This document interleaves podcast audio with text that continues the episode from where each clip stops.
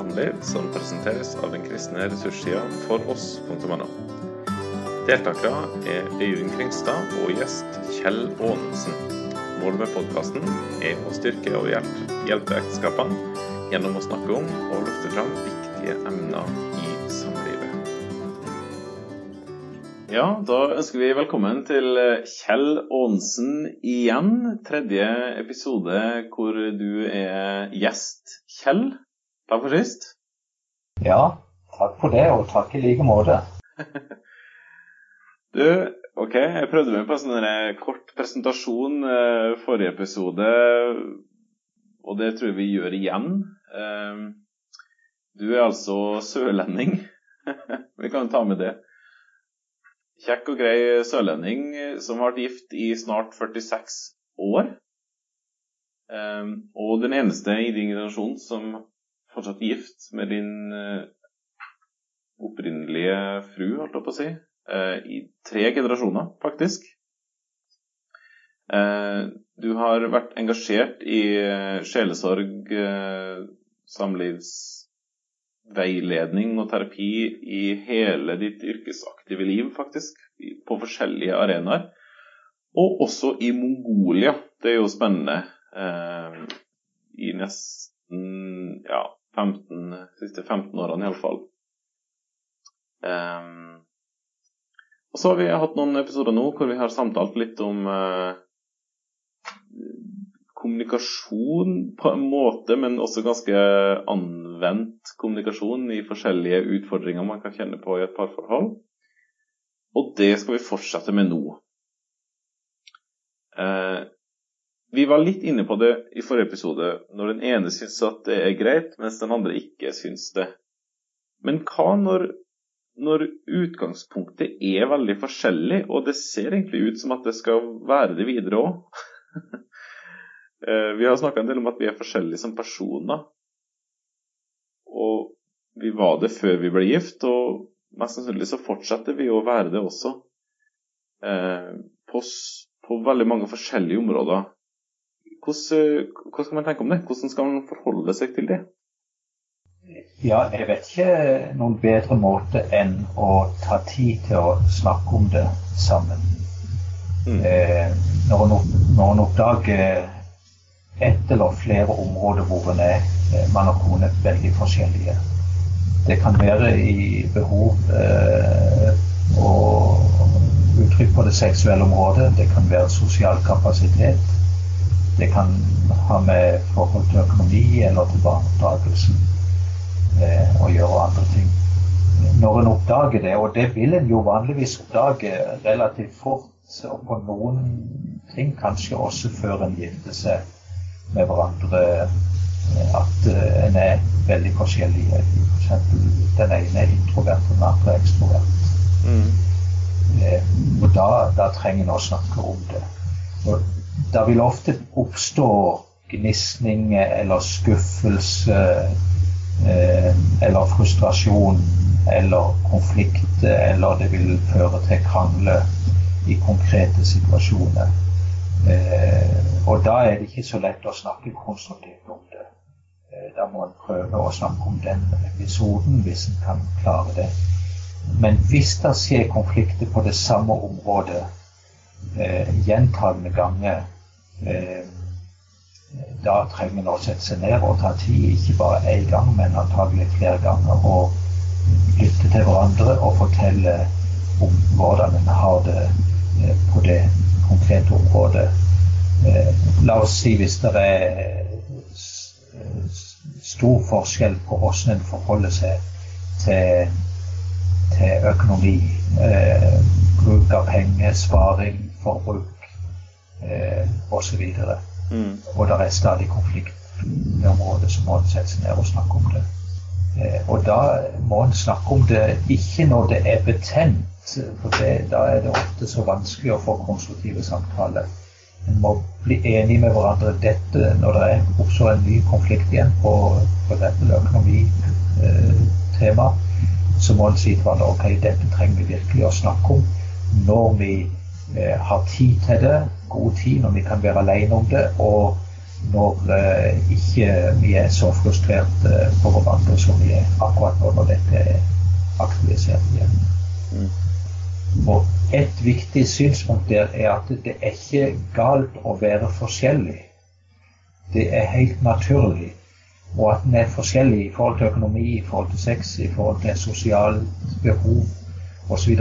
trenger ikke bety at den ene eller den andre gjør noe feil. Men det betyr bare i første omgang eh, at en er så ulike på det, en har så forskjellig tilnærming eh, og forhold til det.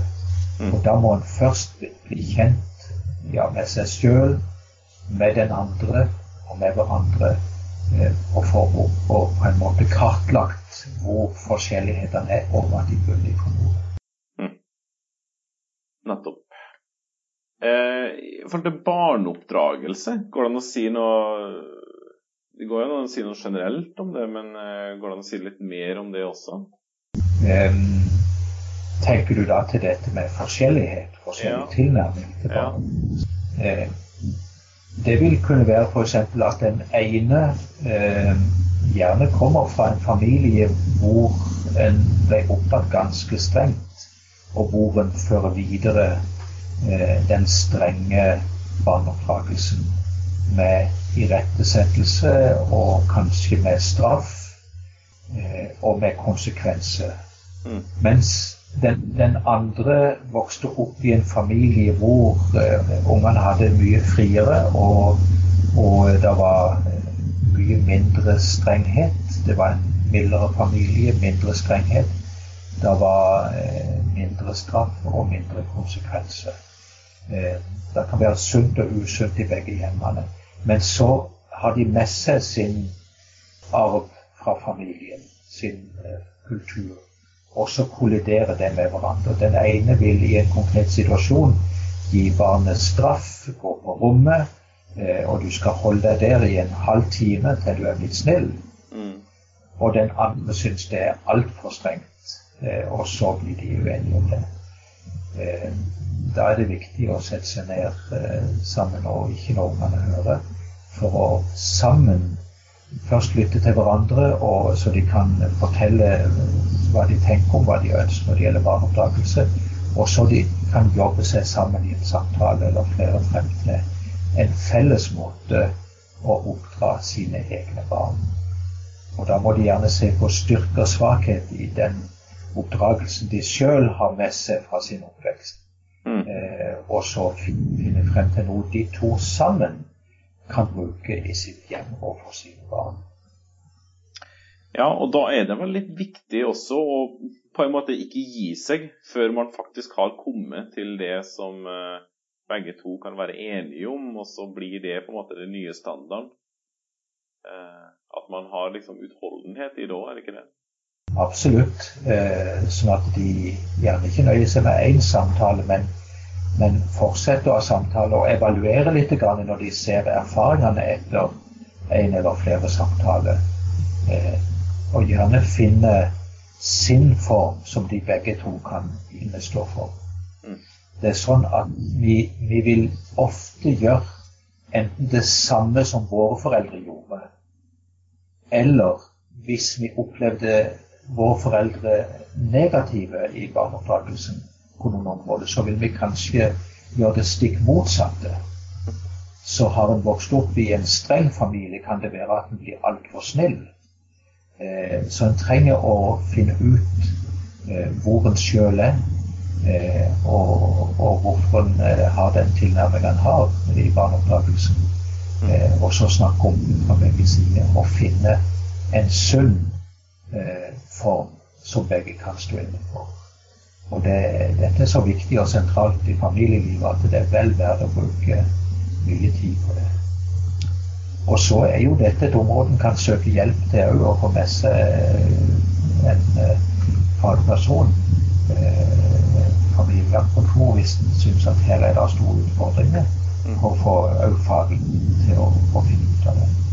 Ja, veldig interessant. Det, det, her er jo ting som er Etter hvert som jeg blir eldre, så er det liksom flere flere ting som jeg legger merke til, og som jeg blir klar over at jeg viderefører. eventuelt går i motsatt retning av, som du var inne på, også i forhold til barneoppdragelse.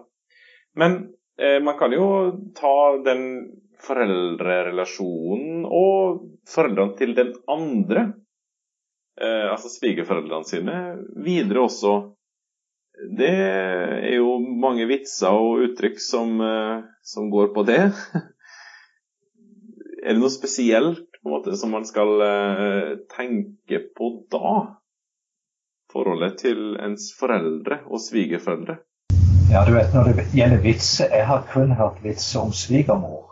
Ja, det er rart, det der. Så det, det betyr Så det betyr vel at jeg som svigerfar går, går helt fri der. Ja, det er, det er, et viktig og et sentralt område. Og det er mange som har et godt forhold til, til foreldregenerasjonen på begge sider eh, til det unge ekteparet. Men det er også mange som har konflikter eh, med med den ene sida, eller til og med med begge sider. Mm. Så dette er ganske vanlig, og ofte da et vanskelig og utfordrende problem. Bl.a. fordi at uh, den uh, i det unge ekteparet som er sønn eller datter, vil gjerne føle det urettferdig at ektefellen ikke er fornøyd med hennes eller hans foreldre. Så det vil lett kunne Konflikten med svigermor, svigerfar, far og mor eh, vil ofte kunne eh, forplante seg som en konflikt mellom den unge mannen og ektefar kona. Ja, fordi at en tar det til seg sjøl, på en måte? da? Ja. Eh, en tar det til seg sjøl, eller en føler en lojalitet overfor sine egne foreldre. Ja. og, og vil, vil, beskytte de. Eh, og en har selvfølgelig et annet forhold til sine foreldre enn en har til svigerforeldrene. Mm. Så jeg har sett en god del at konflikt i forhold til generasjonen over oss fører ganske ofte til konflikt mellom mann og kone. Altså sønn, svigersønn, datter, svigerdatter. Mm. Det er viktig å være obs på. Eh, og det jeg tenker om det, det, det som er det som er avgjørende, et avgjørende prinsipp, det er at eh, mannen og kona, altså dette unge ekteparet, de er en enhet. Eh, og den familien med de barn de har, de er en enhet. Og de må stå sammen mm. eh, som ektepar og som foreldre. Eh, de må stå sammen, og de må håndtere konflikter til foreldre, svigerforeldre sammen på en sunn måte. Det, det er ikke alltid lett. Eh, det sier seg sjøl. Så her kan det være at eh, noen kan trenge hjelp fra fagfolk fordi en, en har så u, veldig ulikt eh, følelsesmessig forhold til sine foreldre i forhold til sine svigerforeldre. Mm. En, forhold, en, en opplever den andre i forholdet stadig eh, trekker på en måte på vekst Eller eh, spør ens foreldre om råd framfor å avgjøre ja. ting i forholdet. Ja. Eh, de kan godt spørre om råd, men da må de, da må de ha avklart det seg imellom, mm. eh, mann og kone, om de har behov for råd fra foreldre, svigerforeldrene. Det er det unge ekteparet det er de som må sammen finne ut hva de vil, og hva de ikke vil. Eh, med besøk, og når de er på besøk hos foreldre og svigerforeldre. Og det, det, er de som må, må, drøfte hvis det oppstår uenighet eller eh, gnisninger eller konflikt. Det unge ektepar må snakke sammen om hvordan de sammen skal eh, forholde seg til generasjoner. Mm. Jeg har lyst til å komme med et lite innspill. Ja, du kan fortsette, vær så god. Nei, her vil det være noe forskjellig. Altså, det er mange er jo i denne generasjonen. Jeg har svigerbarn og, og, og, barn og, og, barnebarn som er i denne generasjonen. Eh, og det vil være mange i min generasjon som er sunne og kloke og gode i forhold til sine barn, svigerbarn og barnebarn.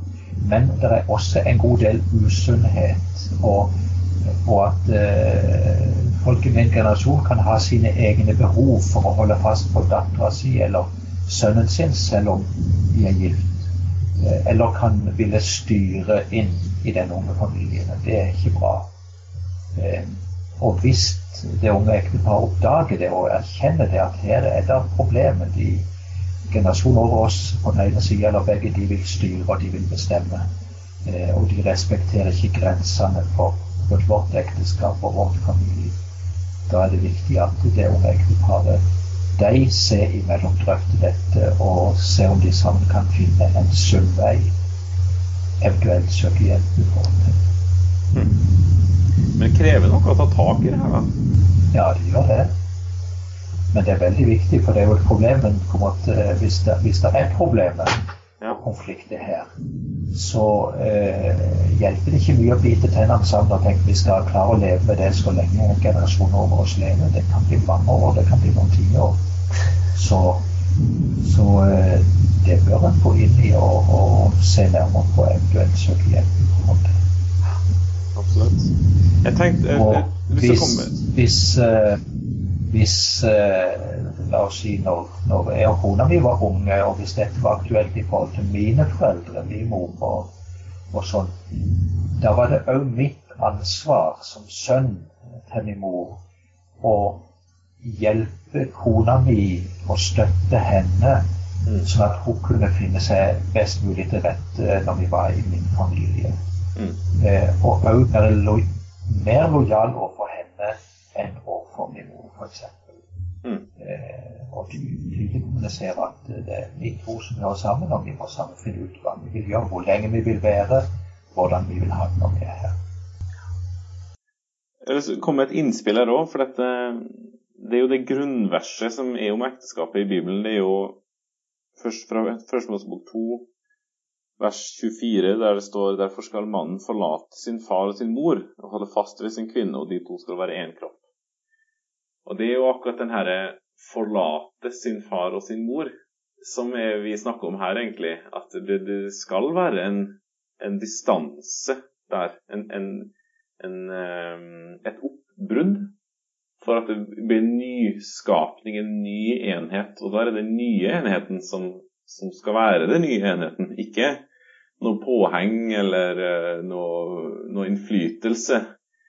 Mer enn uh, en foreldre og svigerforeldre skal jo være støttende og sånn, altså. Men, men uh, at man faktisk forlater sin far og sin mor, og ikke fortsatt har det samme sønn-datter-forholdet, og samtidig er i ekteskapet. ja.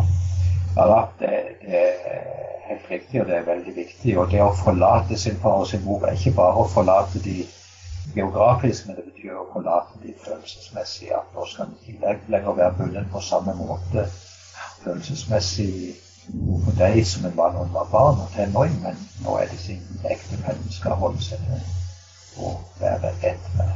Mm. Du, et uh, spørsmål som uh, er aktuelt men som er vanskelig igjen å snakke om, tror jeg. Hvordan kan man elske den andre når følelsene ikke er der? Ja. Eh, jeg lurer på om en viktig årsak til at det er kan være vanskelig å snakke om, er fordi vi har en feil oppfatning av ordet 'elske'. Ja.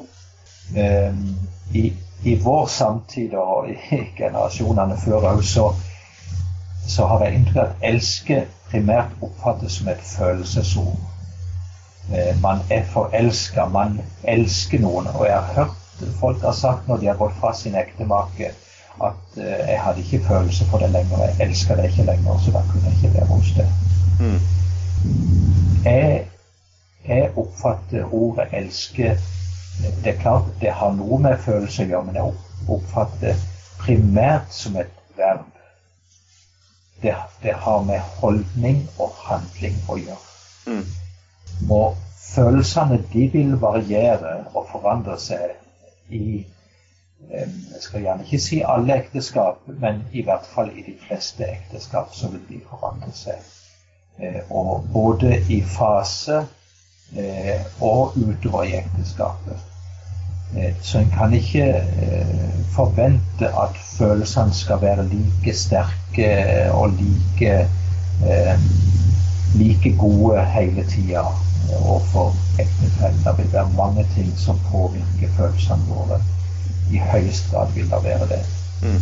Eh, eh, og det, det, er da det er viktig å se tilbake på det en lovte når en eh, var i kirka og ble vigd som, som ektefolket Da loven en å elske og ære hverandre i gode og vonde dager til døden skiller oss ad. Og i vonde dager så vil vanligvis ikke følelsene føles så sterkt. Og vil, det vil være vonde dager òg hvor mann og kone ikke føler at de elsker hverandre, eller den ene ikke føler at den elsker den andre. Mm. Men, men en har gitt et løfte, og en, det er viktig å ha den holdninga i at jeg vil være trofast, jeg vil være god.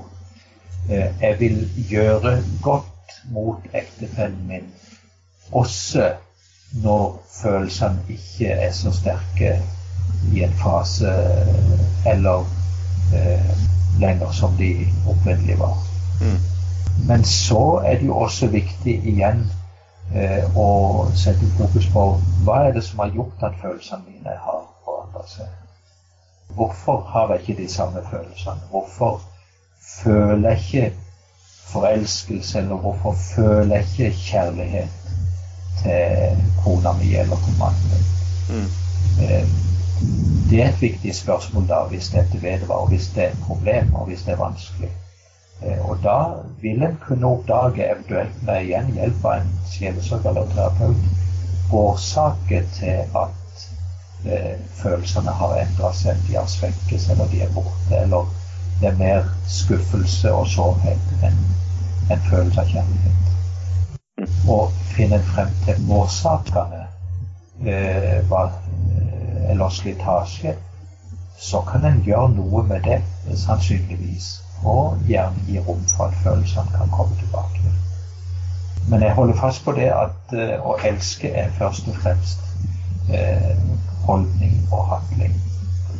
Uh, jeg, har ikke, jeg, har ikke, talt det sjøl, men jeg har lest for mange år siden, eller hørt for mange år siden eh, eh, hvor mange ganger i Bibelen det står at Gud elsker. Eh, jeg husker ikke tallet, men det er et høyt tall. Og så, Det som overrasket meg da jeg leste det første gang, det var at det er noen ganske få ganger det der handler om Guds følelse. Det handler så nesten alltid om Guds handlinger eh, mot, modens. Eh, mennesker som også er syndere. For så høyt Gud elsket verden at han gav sin sønn den enbårne for at hver den som tror på ham, ikke skal gå fortapt eller evig liv. Så her har vi Gud som det store forbildet. At kjærlighet er ikke primært følelse, men det er holdning, og det er handling.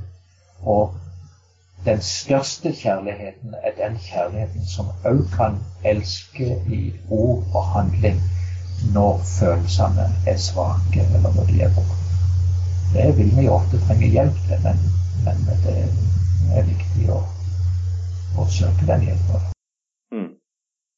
Ja, kanskje er det nettopp da vi trenger kjærlighet, og å kunne elske i ordets rette forstand, da, fordi at eh, da vil det virkelig kreve noe av oss å eh, gjøre elskelige handlinger og vise en elskelig holdning når vi ikke får hjelp, om du vil, av følelsene. Ja. Vi har på soverommet vårt eh, fikk en gave for, for, mange mange år siden. Eh, skrevet med fin skrift hvor det står bl.a.: Elsk meg mest når jeg fortjener det minst, for det er da jeg trenger det mest. Og Da er vi jo inne på det med den betingelsesløse kjærligheten. At vi kan elske òg når vi ikke har fått noe først, eller, og heller ikke kan forvente noe etter. Da snakker vi om den trofaste, lange kjærligheten. Du, helt til slutt så har jeg lyst til å spørre deg et uh, litt annerledes spørsmål, men som jeg tror er veldig viktig uh, både fordi at uh, vi kjenner noen rundt oss som opplever vanskeligheter med det her, men også fordi at vi, jeg, kommer til å komme i den situasjonen i større eller mindre grad, færre eller flere ganger i mitt liv, hvor det er vanskelig i ekte Hvor det er vanskelig i i parforholdet som å være gift. Hvordan kan man være til hjelp for ektepar som møter utfordringer, og som står i utfordringer på forskjellige plan? Da tror jeg det er viktig, hvis en kan, å ikke trekke seg tilbake fra dem. Mm.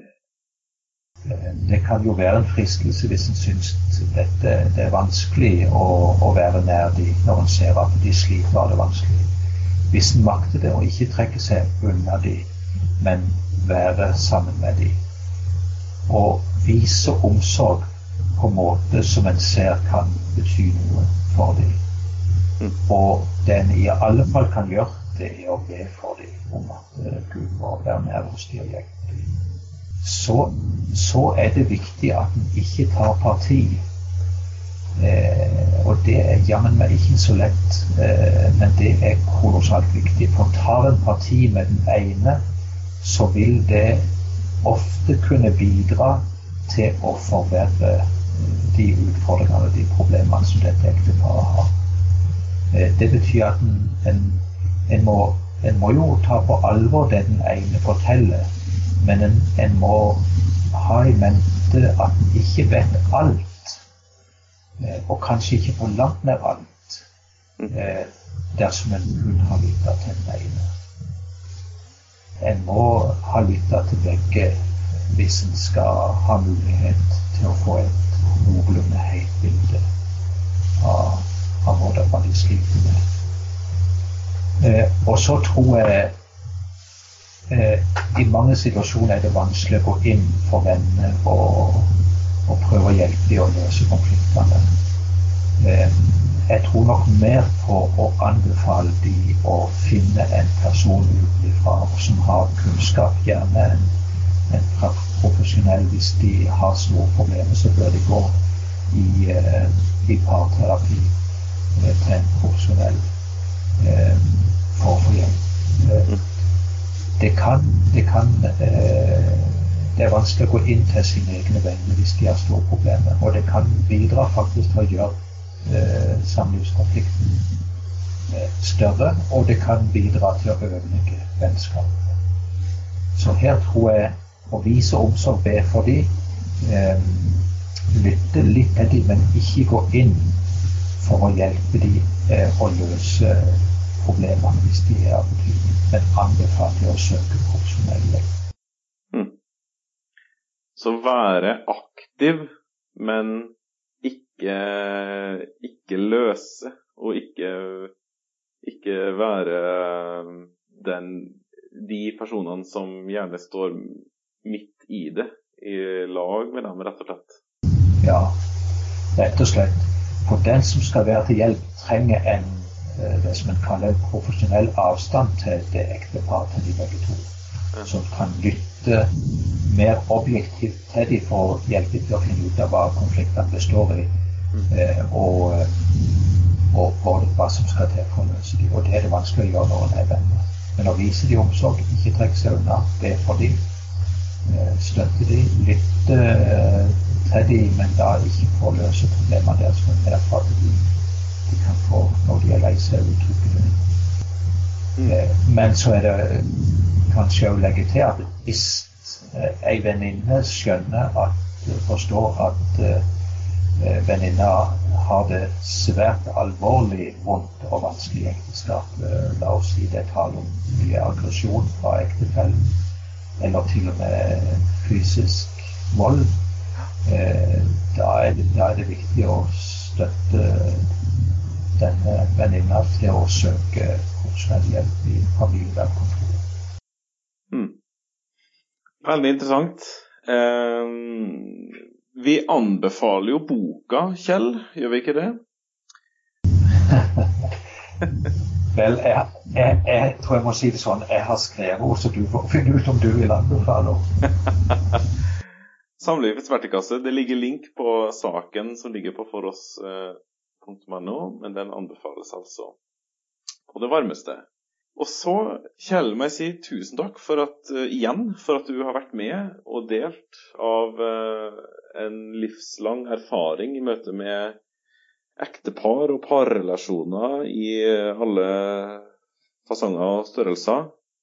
Og ikke minst at du har delt personlig også av hvordan du har erfart i ditt eget samliv, og hvordan du har jobba med ting sjøl også. Jeg tror det i stor grad så tror jeg det er det vi trenger. Å se at vi alle sammen har behov for hjelp på de her områdene. Og skape et rom for at vi får hjelpe hverandre, rett og slett. altså. Ja, takk for det. Det var kjekt å være med. Og la meg bare få lov til å si til, til dere som lytter, at eh, til det aller meste av utfordringer og problemer som vi møter i samlivet, så er det mulig å få hjelp. Eh, det vil jeg oppmuntre til å snakke om det sjøl, og eventuelt søke hjelp utenfor eh, når en ikke finner ut av det sjøl.